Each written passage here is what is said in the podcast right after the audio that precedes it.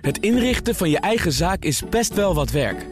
Daarom biedt IKEA voor Business Netwerk 50% korting op interieuradvies. Word gratis lid en laat je werkplek voor je werken. IKEA, een wereld aan ideeën. Lobbypanel. Amsterdam Centraal verbouwd en dat heeft gevolgen voor de trein, met name die naar Londen. En de verplichte AOV voor ZZP'ers lijkt er te komen, maar er is nog wel een nood of wat te kraken. Ook vandaag in het Kamerdebat. Dat en meer bespreek ik in het lobbypanel. Vandaag met Mirjam van der Linden van ONL, Ondernemend Nederland. En Reinier Kastelein van de Unie, voorzitter van vakbond de Unie. Welkom, goed dat jullie er zijn. Hey, goedemiddag. Met allereerst natuurlijk jullie eigen lobbyagenda. Mirjam, wat staat daarop? Nou, ik ben opnieuw weer het aan het ophalen bij onze ondernemers. Wij hadden een app, de ondernemerspanel-app. En uh, dus zijn we aan het verhuizen. Naar, uh, Jullie verhuizen de app? Ja, nou ja, de, de, app werkt niet meer. We doen het nu via de browser. Dus op onze site onl.nl slash ondernemerspanel... kunnen ondernemers zich weer inschrijven. Maar we moeten al die ondernemers, en dat zijn er meer dan 3000... moeten we overschakelen naar de nieuwe, de nieuwe plek. En dat zorgt ervoor dat we nog beter in contact kunnen komen met die ondernemers. Dat ze niet alleen hun stem kunnen laten horen... maar dat ze ook kunnen meedenken in oplossingen. En dat past zo goed bij wat wij doen. Maar dan moet het uh, qua infrastructuur en IT-drama's... Uh, niet ja, zo dat... gaan als bij de meeste overheden. Nee, nou ja, dat is het moeilijke gedeelte hebben gehad. Dus daarom ben ik helemaal Oh, enthousiast. Het, het, staat, het werkt, het doet het. Het is alleen nu uh, het laatste stukje in het verhuizen. Oké. Okay. Andere drama's dan, uh, Reinier. Ik dacht dat jij je pijlen weer eens wilde richten op de staatsagent. Nou ja, um, dat is wel hetgene waar ik natuurlijk de afgelopen week mee bezig ben geweest. Hè. Dus uh, bij, bij KLM werken 30.000 mensen die allemaal keurig netjes al meer dan 100 jaar onder een CO vallen. En ja, CO's worden afgesproken tussen werkgevers en werknemers. En op de een of andere manier hebben wij in deze samenleving om de havenklap een groep die wij buitensluiten. En nu zijn het uh, 30.000 KLM'ers die de afgelopen jaren als enige werknemers in Nederland een loonoffer hebben moeten brengen. En wat je ziet is dat uh, KLM, hè, een multinational, er is heel veel vijandigheid tegen multinationals, dus ook tegen KLM. Uh, KLM wordt kritisch uh, aangesproken. Wat ik de afgelopen week echt gemist heb in de media, dat de journalisten ook gewoon eens keer inzoomen op het belang van die werknemers. En dat er bij KLM gewoon 33.000 mensen werken die vanaf modaal tot 20% salaris hebben ingeleverd. Als je dan ziet wat een enorme eenzijdige, soms ook gewoon echt verkeerd geïnterpreteerde berichtgeving er is. Ik, ik mis de journalistiek de, de, die opkomt de, voor die de berichtgeving is dat er veel interviews zijn met de staatsagent. Die zegt: Ik constateer alleen maar de feiten. Ja. Ik ben er niet om daar een invulling aan te geven. Ja, ik denk dat hij heel veel invulling geeft en ondertussen dat verkoopt als feiten. Maar het, het gaat, waar het mij veel meer om gaat. Hè, um, uh, ik ben natuurlijk voorzitter van een vakbond die 2400 leden heeft bij de KLM. Ik sluit de CEO af voor 13.000 grondmedewerkers.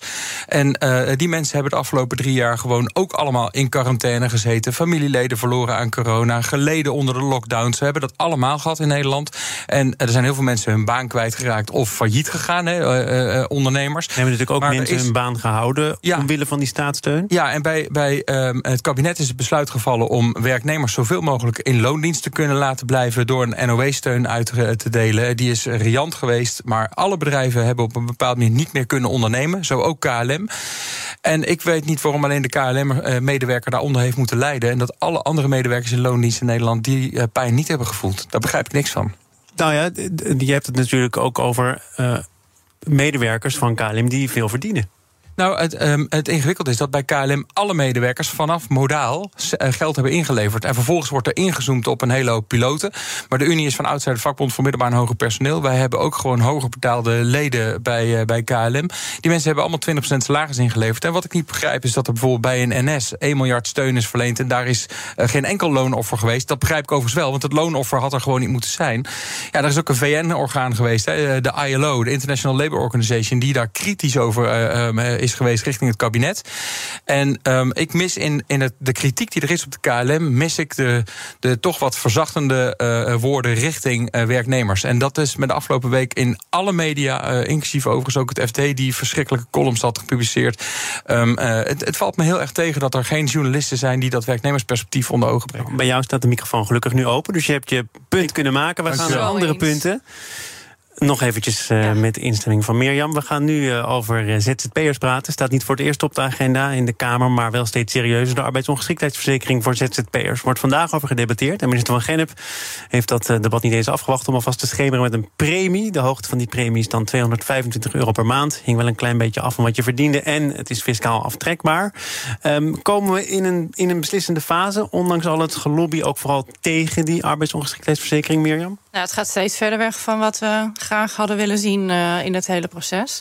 Nou ja, het hele proces hebben we het natuurlijk al wel vaker over gehad. Dat het een deeltje ooit is geweest uh, in, uh, bij het pensioenakkoord. En dat het daar al niet in had moeten zijn. En dat de groep om wie het gaat niet wordt betrokken. En nu wel probeert om, om die lobby nog te voeren. Om te kijken of ze ergens nog, nog wat kunnen aanpassen. Maar wat wij heel graag willen, en wat heel veel lobby- of organisaties van ZZP'ers ook heel graag willen, is dat er een regeling komt voor alle werkenden. En niet één plukje eruit pakken, die ook nog eens zo divers is dat je dat niet uh, kan vastpinnen op één. Er zijn mensen die alleen ZP'er zijn. Er zijn ook mensen die uh, dat een, een, vaste baan ernaast hebben. Er zijn mensen die wisselen. Dat past allemaal niet in het systeem. Dus het is een uitvoeringsdrama ja, in de making. Ja, de zoveelste, hè? We hebben er al zoveel gehad in de afgelopen jaren. En ja, ik, ik word er bijna een beetje depressief van. Dan is natuurlijk ook niet de bedoeling na, na tien jaar uh, ONL. Maar ik zie steeds meer dingen voorbij komen waar een Raad van State zegt... het is niet handig, waar alle betrokkenen zeggen... het gaat niet werken, het past niet bij wat we graag willen. En dan dan wordt het maar doorgedrukt omdat nou eenmaal die afspraak Maar over dat, dat uh, proces hebben we het natuurlijk inderdaad gehad. Het is een soort uh, bijlage in het uh, pensioenakkoord. waarom? Nou ja, dat was niet helemaal duidelijk, maar er moesten nog wat witte vlekken worden gedicht. En op deze manier werd er dan iets gedaan richting de arbeidsmarkt en de ZZP en het in balans brengen daarvan, hè, de arbeidsmarkt in balans. Ehm, was deze lobby nou anders gelopen als er één duidelijke spreekbuis was geweest voor ZZP in Nederland? nee, dat denk ik niet. Uh, omdat uh, uh, het enige wat het verschil had kunnen maken is als het kabinet die had toegevoegd aan de sociale partners die het gesprek hebben gevoerd. Dus als werkgevers, werknemers die dat gesprek ook hebben gevoerd en die met een advies zijn gekomen, als daar deze groep ook aan was toegevoegd, dan had je de kans gehad dat het wat meer gebalanceerd was. Maar uiteindelijk hebben we ook de commissie Borslap gehad... die ook een ander advies heeft gegeven aan het kabinet. En dat is vervolgens ook niet opgevolgd. Die, die commissie Borslap, althans ook de naamgever van die commissie... die zegt steeds vaker... koppel nu uh, de uh, sociale verzekeringen niet aan contractvormen. Zorg er gewoon voor dat iedereen uh, kan genieten van dezelfde basis. Um, Waarom wordt daar dan, hè, dat is toch een gezaghebbend iemand, zijn uh, rapport is heilig verklaard en is doorvertaald in allerlei andere adviezen. Waarom wordt daar dan toch niet meer invulling aan gegeven, denk jij? Nou ja, um, uh, ik weet niet of hij heilig verklaart of, of zalig maakt. Maar wat. Nou, niet, niet door iedereen, maar de politiek heeft natuurlijk wel heel duidelijk borstlap als richtsnoer gebruikt. Ja. Al jaren inmiddels. Ja, dat klopt. En uh, daar, dat is ook een, een, een schaamlap om steeds naar te verwijzen. Want dan hoef je ook gewoon nog niet meteen tot, tot conclusies te komen op deelonderwerpen. Dan zeg je wel ja, we moeten nog even naar het rapport kijken. We moeten alles in een coherentie zien. Nou, de SER is er inmiddels ook overheen gekomen. Toch met een middellange termijn advies dat zeer sterk leek op het rapport van Borslap. Ja, dat, dat, eh, dat klopt. En wat je, wat je natuurlijk nu gewoon ziet voor een, meerderheid in het pensioenakkoord, waren er gewoon nog twee, kolen, of twee oppositiepartijen nodig. En dan uh, krijg je dit soort deeltjes waar uh, ook terecht op wijst, dat het dan heel ongelukkig in, in zo'n akkoord komt. Um, wat ik gewoon zie, is dat, um, dat we ergens een discussie met elkaar uitstellen over dat sociaal stelsel. Eigenlijk zou gewoon elke Nederlander in een sociaal stelsel moeten vallen op een bepaalde manier. Ik heb dat op een andere manier ook al eens een keer bepleit. Dat als je als ondernemer failliet gaat, dat je zeven jaar lang lastiggevallen wordt door een. Uh, een uh, hoe heet dat? dan kom ik toch niet op het Deurwaarder. woord. Ja, nee, door, door deurwaarders. Oh. En um, nou, ik kom gewoon oprecht niet op het woord. het spijt me, maar dat je door, door allerlei mensen nog jarenlang bezig bent met, met je faillissementsafwikkeling. En dat je uiteindelijk het hele ondernemen onmogelijk wordt gemaakt. En, curator. Ja, curator. Ik kwam niet op het woord. Erg, ja, dat, voor, voor iemand als mij niet op het woord komen is dramatisch live. Maar de, dat je zeven jaar lang een curator hebt die jou bezig bezighoudt en dat je niet opnieuw kunt ondernemen. Uh, en ondertussen ben je dus ook niet in staat om een nieuw inkomen te vergaren. Er zijn ook heel veel ondernemers die, uh, wat mij betreft, gewoon een echt vangnet zouden verdienen. en uh, ik denk dat de werkwijze die we nu hebben om die ZZP'er dan nu weer te verplichten en ook nog eens een keer een premie van 250 euro, zonder onderscheid te maken tussen de vrije vogels en de vogelvrij verklaarde. Ja. Um, die vogelvrij verklaarde heeft het misschien nodig, maar die kan het niet betalen. En die vrije vogel die wordt verplicht iets afgenomen wat hij misschien op een andere manier heeft ingericht. Nou, dat verplicht afnemen, dat is nu ook onderdeel van het politieke spel geworden. VVD-Kamerlid Bart Smals pleit voor een opt-out. En hij zei daarover tegen onze politiek verslaggever Suzy van Leeuwen het volgende. Het regeerakkoord staat, uh, ook voor mij. Dus er, er komt gewoon een arbeidsongeschiktheidsverzekering voor alle zelfstandigen. Maar ik wil dus uh, keuzevrijheid voor de zelfstandigen door die opt-out. Maar die collectiviteit, Mirjam, die ja, maakt het... die ga je dan helemaal onderuit halen. Dus dan ga je die premie ook niet meer voor dat bedrag kunnen doen. Want als het alle mensen die het zelf kunnen regelen... die we hebben dat waarschijnlijk ook al geregeld... kiezen voor die opt-out... ja, dan hou je over een pool met mensen... die daarvoor niet zich konden verzekeren. En daar gaat de premie. Ja, precies. Ja. Dus geen nou, hebben de verzekeraars een goede deal gemaakt, denk ik. Door, uh, door dat zo te koppelen. Dat ze dat alleen maar doen als ze voldoende, voldoende mensen erin hebben. Dus dat opt-out gaat nooit lukken zoals we dat eigenlijk met z'n allen zouden willen. Maar dan blijft er dus, als je dit wilt tackelen op deze manier, alleen maar een verplichting over, of niet? Vanuit? Nou ja, als je zegt die opt-out, dat zorgt ervoor dat die premie niet meer haalbaar is en betaalbaar is. En je wilt toch uh, dit risico een beetje afdekken. Wat blijft er dan nog over aan opties? Ja, weinig. Het, het, het, ik denk ja, wat er dan. Uh, ja, ik weet niet hoe dit uiteindelijk gaat uitwerken. Maar je, ziet het op je afkomen waarvan je denkt: dit gaat nooit werken. Dan gaan ze waarschijnlijk een groep het verplichten. die juist heeft gekozen om ondernemer te zijn. om het zelf te regelen. Omdat ze anders die dekkingsgraad voor de verzekering niet kunnen, kunnen garanderen. Omdat ze anders wel die premie omhoog moeten gaan, uh, gaan zetten. Wat, wat helemaal niet haalbaar is. En laat het wel wezen: voor een hele grote groep is zelfs die 200 euro al niet betaalbaar. En die wil je juist graag uh, verzekeren. Dus wat mij betreft gaan we helemaal terug naar die tekentafel. En zorgen dat alle werkenden, wat Reinier ook al zei, dat voor alle werkenden iets wordt geregeld. Ja, maar je kunt natuurlijk je afvragen dat als die mensen het niet kunnen betalen, of dat dan nog ZZP'ers zijn in de zin van het woord die we het liefste zien. Namelijk mensen die daar vrijwillig voor gekozen hebben en een serieuze boterham mee kunnen verdienen. Ja, maar dan, dan moet je die groep zeg maar uh, uh, gaan helpen en zorgen dat ze op een andere manier een inkomen krijgen. Maar je moet niet in één keer een heel groot pakket opbouwen voor een hele grote groep die er niet op zit te wachten. Om een klein groepje, zeg maar, dan maar, ik denk, in, in een werknemersrol te douwen, omdat ze dat het liefste willen. Ja, waarbij je natuurlijk ook nog wel ziet dat die mensen die het niet nodig hebben, omdat ze misschien wat succesvoller uh, zijn in dat ondernemen, uh, misschien ook wel een aantal dingen hebben afgedekt door hier en daar misschien toch een keer een, een pandje te hebben. Hè, en dan een beetje onroerend goed te hebben. En daar hebben ze ook buiten dit kabinet gerekend, volgens ja, mij. En, en, ook daar word je dan dadelijk weer in gegrepen. Dus op de een of andere manier. Um, Emigratie. nou ja, dat, zover ben nou, ik nog net. Ik hoor best wel onder veel ondernemers die dat zeggen hoor. Oh. Ja, je hoort het heel veel. Ik vind dat wel shocking. Uh, dat heel veel ondernemers zeggen: ja, weet je, als het zo doorgaat, ik ben hier niet meer geweest. Ik zou zeggen, pak de trein naar Londen. Oh nee, dat kan ook ja, niet meer. We gaan. Meer. BNR Nieuwsradio. Zaken doen. Thomas van Zeil. Met uh, de leden van het lobbypanel Mirjam van der Linden en Reinier Kastelein in de Eurostar naar Londen. Ik had het zo graag gewild, maar het zit er niet meer in. Vanaf juni, 7 tot 11 maanden, kan hij niet vertrekken vanaf Amsterdam Centraal, omdat dat station wordt verbouwd. De staatssecretaris Viviane Heijnen van Infrastructuur en ProRail geven aan dat er geen plaats meer is voor de douanecontrole op het station. Dit gaat dus al met al langer dan een half jaar duren over het algemeen. En nu wordt al uitgevochten in media wie hier dan de hoofdschuldige is. ProRail, NS, Eurostar, staatssecretaris. Um, uh, FNV Spoor wist nergens van. Zei, we moeten dit uit de media vernemen. Uh, ja, er zijn twee vragen die natuurlijk om voorrang vechten. Eén, waarom duurt het zo lang? En twee, waarom is niet duidelijk wie hier nou uiteindelijk specifiek voor heeft gepleit? Nou ja, wat um, uh, je zegt nu 7 tot 11 maanden. En dan met al die vertragingen die er altijd zijn in die grote bouwprojecten, kan het nog wel eens lang zijn. Um, ik ben wel blij dat er de afgelopen drie jaar steun is geweest voor een mooie luchtvaartmaatschappij, KLM. Zodat er nu 33.000 mensen in staat zijn om die 20 vluchten per dag extra uit te voeren. Hè. Dus die mensen komen wel in Londen, lekker samen. vliegen. Um, uh, uh, maar dat even terzijde. Ja, en wat ik absoluut niet begrijp, is dat er geen alternatief verzonnen is. Als je dan toch even over de luchtvaart hebt. Op Schiphol heb je natuurlijk ontzettend veel ervaring. Met name op de D-pier om te wisselen tussen Schengen en non-Schengen. Voor mensen die dat niet weten. Je komt dan uh, aan en daar, daar worden deuren omgezet. En dan wordt er in één keer een nieuw douanegebied gecreëerd buiten de EU. En ik denk gewoon, dat kunnen we op Schiphol al jaren. Waarom zou je daar niet... Dat, dat had ik gisteren ook met uh, Frank Oosdam van de ANVR had ik het over. Als je nou heel simpel ziet dat er zo'n ontzettende grote uh, groep mensen geraakt wordt. Niet alleen um, reizigers, maar ook weer ondernemers. Die gewoon niet in staat zijn om hun dienstverlening via die trein te blijven aanbieden. Gewoon op Schiphol gewoon zo'n zo'n zo'n uh, plek bouwen waar je af en toe een deur omzet en gewoon een Brits douanegebied kunt creëren.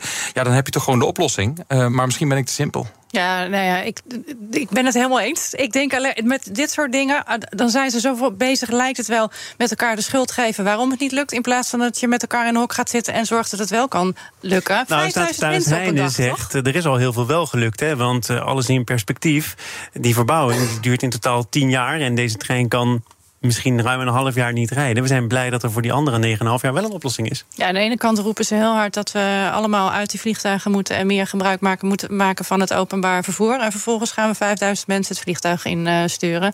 Ik vind het prima, maar dat, dat, zo werkt het natuurlijk niet. En uh, volgens mij moet er een oplossing gevonden kunnen worden Uh, met hulp van Schiphol om ervoor te zorgen dat die mensen gewoon wel met de trein naar Schiphol kunnen gaan. Of naar Londen kunnen gaan. Ja, over wie hier nu de beslissende uh, hand in heeft gehad. Het Parool berichtte afgelopen maandag nog over een rapport waaruit blijkt dat Eurostar tijdens de verbouwing best had kunnen rijden. Maar dat ProRail het gezien de krappe planning van de verbouwing niet zag zitten. Met andere woorden, als je dan toch iemand moet aanwijzen, dan lijkt het toch richting ProRail te gaan. Hoe poets je dat naar buiten toe een beetje op? Of zeg je nou, het is eigenlijk wel te rechtvaardigen gezien wat Reinier nu zegt. In Nederland zijn we dan toch gewend dat projecten dan eindeloos uh, uitlopen. Dit is een offer dat we moeten brengen om dat te voorkomen in Amsterdam. Ja, wat ik heb begrepen is dat uh, ProRail het niet aandurft... omdat ze op Amsterdam zelf dan de veiligheid niet kunnen waarborgen. Ik denk dat ProRail sowieso natuurlijk de laatste tijd... veel problemen heeft gehad om überhaupt de treinen te laten lopen. Dus uh, qua lobby en, uh, en beeldvorming voldoende werk heeft liggen. Maar dan, als het dan niet op Amsterdam kan... want veiligheid is natuurlijk al belangrijk kijk dan of je het op een andere manier kan oplossen. Rotterdam was in ieder geval niet rendabel. En Eurostar heeft al laten weten... wij laten Nederland voorlopig links liggen. Wat niet meer gezegd kan worden, hopelijk... Eh, dat dat ook geldt voor de provincie Groningen... dat Den Haag Groningen links laat liggen. Gisteren eh, de Kamer inbreng in dat debat... over de parlementaire enquêtecommissie aardgaswinning. Vandaag het woord aan de staatssecretaris en aan de premier. Eh, heb je het gisteren een beetje gevolgd, Reinier? Of wacht je tot wat er vandaag uitkomt? Nou, ik heb het een beetje gevolgd. En dat, dat is het spanningsveld tussen uh, wel compassie voelen met de, de Groninger en de mensen die de slachtoffer zijn van deze situatie. En een klein beetje aversie tegen uh, de politieke partijen die dan over elkaar heen buitelen om uh, nu het kabinet de maat te nemen. je moet dit kabinet de maat nemen, maar dan moet over heel veel onderwerpen, niet alleen hierover. Um, maar ondertussen hebben oppositiepartijen de afgelopen jaren natuurlijk ook gewoon heel veel besluitvorming wel gesteund.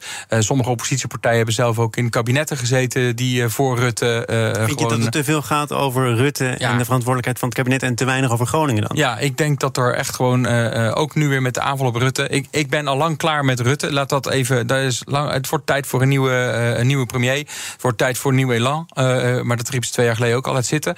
Um, maar Hij heeft de, zelf gezegd: ik moet blijven zitten om mijn eigen problemen op te lossen. Ja. Ik heb dat rapport gelezen, ja. dat is spijkerhard. Natuurlijk overweeg je dan wat moet ik doen. En zijn eigen overweging leidde ertoe dat hij dacht: nou, ik ben hier verantwoordelijk voor ik ruim het op. Ja, ja, dat, um, daar heb ik helemaal geen fiducie in. En dat, dat, hebben we met al die deelonderwerpen. En dat gaat dan nu over Groningen. We hebben de toeslagen achter de rug. We hebben zo ontzettend veel zaken uh, achter de rug... waar in feite dit kabinet gewoon andere dingen doet... dan dat er nodig zijn. Um, uh, en wat ik jammer vind, is dat het gisteren toch gewoon te veel... over de poppetjes is gegaan en niet echt over de oplossingen. Dat was niet wat ze in Groningen wilden. Hè? Ze zijn er toch met een vrij uh, unieke advertentie gekomen... in verschillende bladen. Ja, waar, waarin dan stond de NRC Telegraaf... onder andere Kamerleden overtuigen... en dwingen het kabinet om alle conclusies van het eindrapport te onderschrijven. Het is nu aan jullie. Ja. Jullie zijn aan zet. zeggen, gaat het niet alleen maar hebben over de poppetjes, maar gaat het over de inhoud hebben. Nou, we gaan zorgen ervoor dat wij een keertje gaan uh, geholpen gaan worden. Ik vind het ook mooi om te zien dat ze dus blijkbaar wel vertrouwen hebben in de staatssecretaris, vuilbrief, dat daar, de, daar wel de verbinding gemaakt is. En, uh, en dan moet je ook het proces de gang laten gaan. En dan zou het debat niet over moeten gaan of iemand uh, ontslag moet nemen. Maar dat het debat erover moet gaan, hoe kunnen wij ervoor zorgen dat zoveel mogelijk onderdelen van dit, van dit rapport worden overgenomen en hoe dat overgenomen kan worden. En dan kan elke partij zijn eigen smaak of kleur daar Als je nu kijkt naar hoe dat debat toch alweer snel in de groef kwam van pijlen op Rutte. Hij moet eigenlijk hier niet zitten. Ja, ik ben er al zo klaar mee, merk ik. Omdat maar, werkt zo'n advertentie dan? Uh, ik, nou, of het werkt, het, het zorgt er in ieder geval voor dat uh, heel veel mensen die het lezen zich ook in één keer weer realiseren: oh ja, dat is waar. Die Tweede Kamer is uiteindelijk het hoogste orgaan in dit land. En dat zijn de mensen die kunnen bepalen welke richting er wordt uh, uitgegaan en hebben die controlerende functie. En ik, we hebben natuurlijk al zo vaak debatten gehad waarbij het gaat over het vertrouwen en dat de minister-president zou moeten aftreden geef die mensen, en er zitten ook heel veel mensen op de tribune uh, uit Groningen, zorg ervoor dat zij erkend worden en dat ook Kamerleden laten zien dat ze weten wat er in het rapport staat en welke kant het uit moet gaan. En zorg ervoor dat je het debat aangaat hoe, hoe dat wordt gedaan en hoe snel dat wordt gedaan. Over hoe dat eh, debat verloopt hoor je zo meteen onze politiek verslaggever Sophie van Leeuwen. Eerst bedank ik de leden van het lobbypanel, Mirjam van der Linden van ONL, Ondernemend Nederland en Reini Kastelein van de Unie. Dank. Dankjewel. Volgende keer alle woorden natuurlijk paraat hè? Altijd. Altijd.